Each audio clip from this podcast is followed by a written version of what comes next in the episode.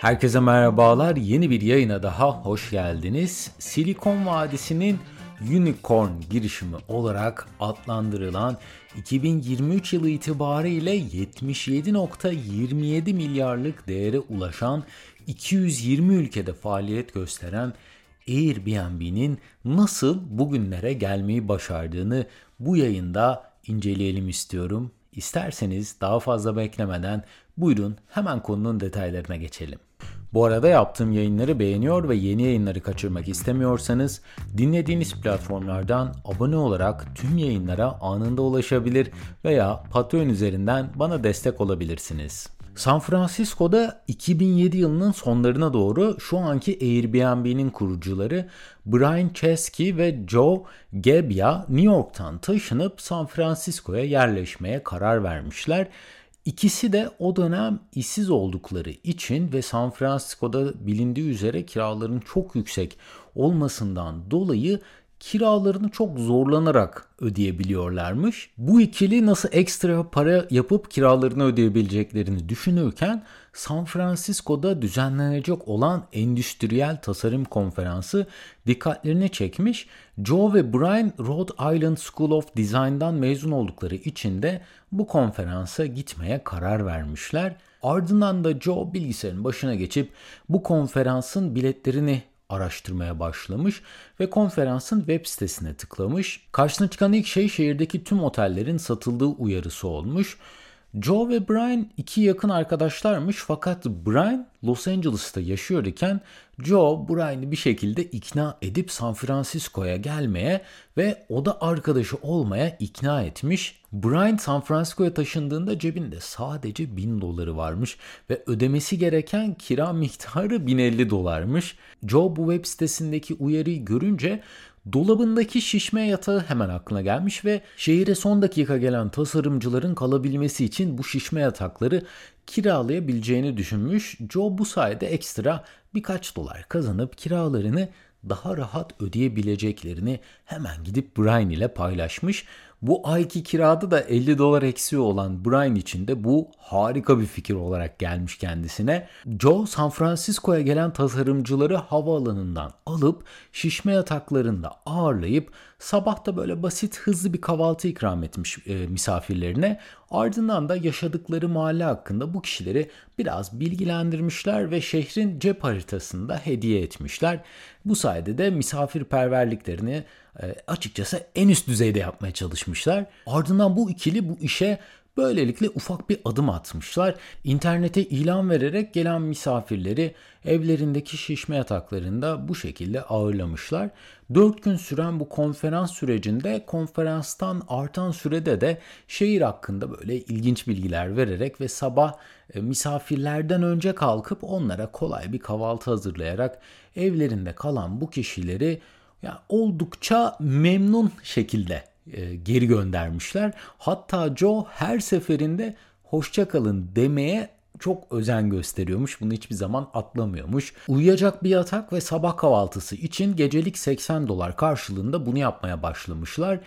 İlk misafirleri ise 30 yaşında Hintli bir tasarımcı, 35 yaşında Boston'dan gelen bir hanımefendi ve 45 yaşında Utah'tan gelen 4 çocuk babası e, bir birey olmuş. 2007 yılının Eylül ayında düzenlenen bu konferansta Brian ve Joe bu işten kazandıkları ekstra para ile kiralarını rahatlıkla ödeyebilmişler ve ardından bu tecrübeyi nasıl diğer insanlar da paylaşabilir, yaşayabilirler diye düşünmeye başlamışlar. Bu fikir harika gözükse de ne Brian ne de Joe yazılım veya da bilgisayar alanında herhangi bir tecrübeye sahip olmadıkları için web sitesini tasarlayacak birine ihtiyaç duymuşlar. Tabii bir de yani kiralarını dahi zar zor ödedikleri için bu işi para karşılığında değil, ortaklık karşılığında yapacak birini düşünmeye ve araştırmaya başlamışlar.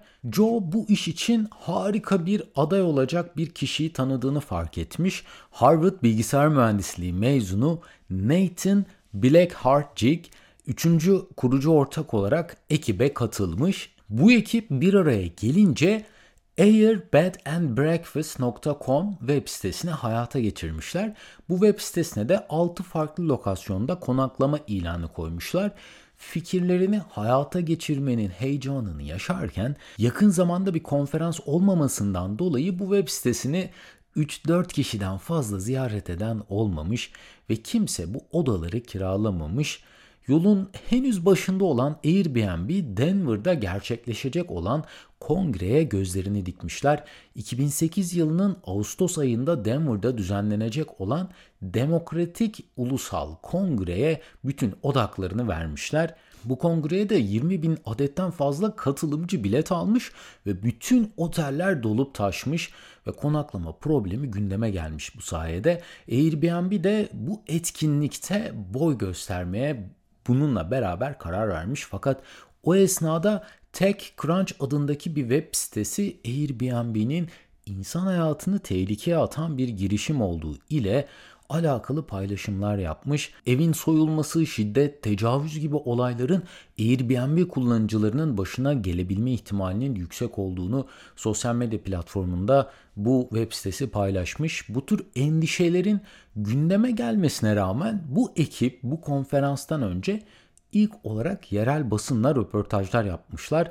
Ardından da CNN'de canlı bir yayına katılmışlar ve kurdukları bu girişimden e, bu canlı yayında bahsetmişler. Bu röportajlardan sonra Airbnb 800 adet yeni ilana sahip olmuş ve 100 kişilik rezervasyon almışlar. Bu kongreye katılan Obama destekçilerini Denver'daki yine Obama destekçileri Airbnb platformunu kullanarak ağırlamışlar ve Airbnb 600 kişinin konaklama sorununu bu sayede çözmüş. Fakat kongre bitince işler yine durulmuş. Bu esnada hayata geçirdikleri girişimin giderleri hiç hız kesmeden devam etmiş. Çok az çalışan olmasına rağmen temel hayat giderleri ve iş yerinin giderlerini karşılayabilmek giderek çok büyük bir sorun haline dönüşmüş ve böyle olunca da kredi kartlarına başvurmuşlar. Kredi kartı borcu önceleri 2000 dolar 3000 dolar civarında iken borç e, şirket açık kaldıkça büyümeye devam etmiş ve 20 bin dolarlık kredi kartı borcuna ulaşmışlar. Brian Chesky kredi kartlarını saklamak için dahi böyle fotoğraf albümüne benzeyen bir dosya almış. Yaptığı bir konuşmada insanlar e, futbol kartlarını bu dosyalarda biriktirirken biz kredi kartlarını biriktiriyorduk şeklinde hatta bir demeç vermiş. Brian bu borçtan dolayı belli bir süre sonra uyuyamaz hale gelmiş ve e, bir gün gece yani sabah neredeyse saat 2'ye doğru oturup ne yapacaklarını konuşurken bu işin kahvaltı kısmını arka plana attıklarını fark etmişler. Yani evinde birilerini ağırlayan kişiler işin kahvaltı kısmını genellikle es geçiyorlarmış. Bu ekip her ev sahibine mısır gevreği verirlerse bu sorunun e, ortadan kalkabileceğini düşünmüşler. Bir de Obama'nın seçim dönemi olduğundan Obama'nın katıldığı konferanslar sayesinde aslında Airbnb çok fazla para kazanabilmiş, hayatta kalmayı başarabilmiş. Obama temalı bir mısır gevreği yapmaya karar vermişler. Yani web sitesinden bir anda mısır gevreğine geçmişler. Obama'nın O'su olarak adlandırdıkları mısır gevreklerini sadece ev sahiplerine vermekle kalmayıp bunları online olarak satmaya da başlamışlar. Bu kongrelere katıldıklarında basın mensupları ile iletişime geçip bu mısır gevreğinden bahsetmişler bu kişilere ve tanesini 40 dolardan toplam 500 adet mısır gevreğini satmayı başarmışlar.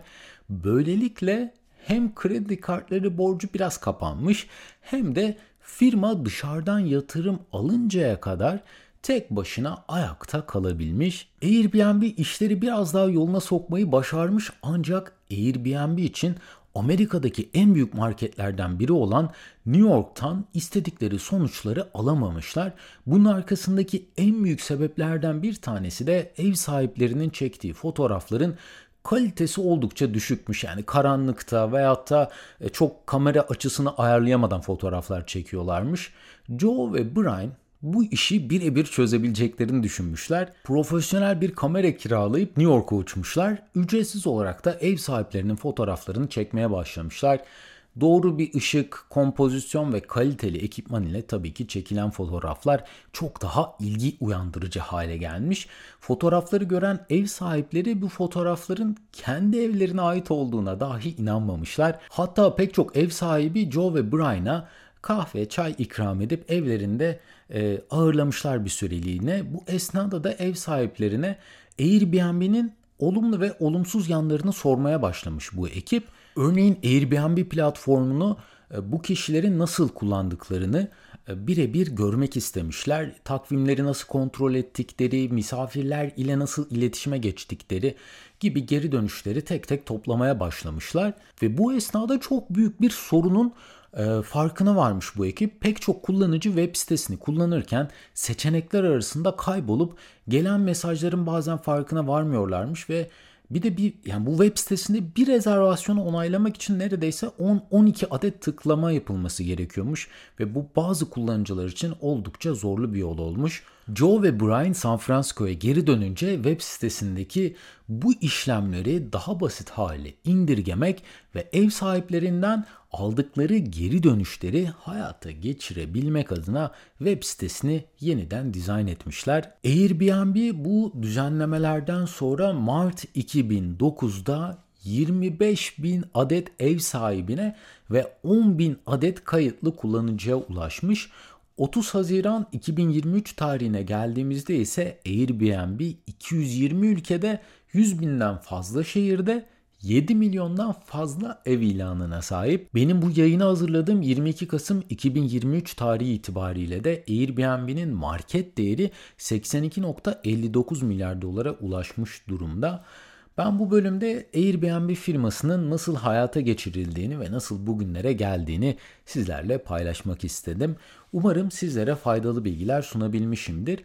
Bu arada bu ekibin yaptığı sunumları ve yatırım topladıkları e, PowerPoint sunumlarında ben bu yayının açıklamalar bölümündeki linke ekledim. Oradan bütün yayının detaylarına da kolaylıkla ulaşabilirsiniz. En kısa sürede yeni yayınlarda görüşmek üzere. Kendinize çok iyi bakın. Hoşçakalın.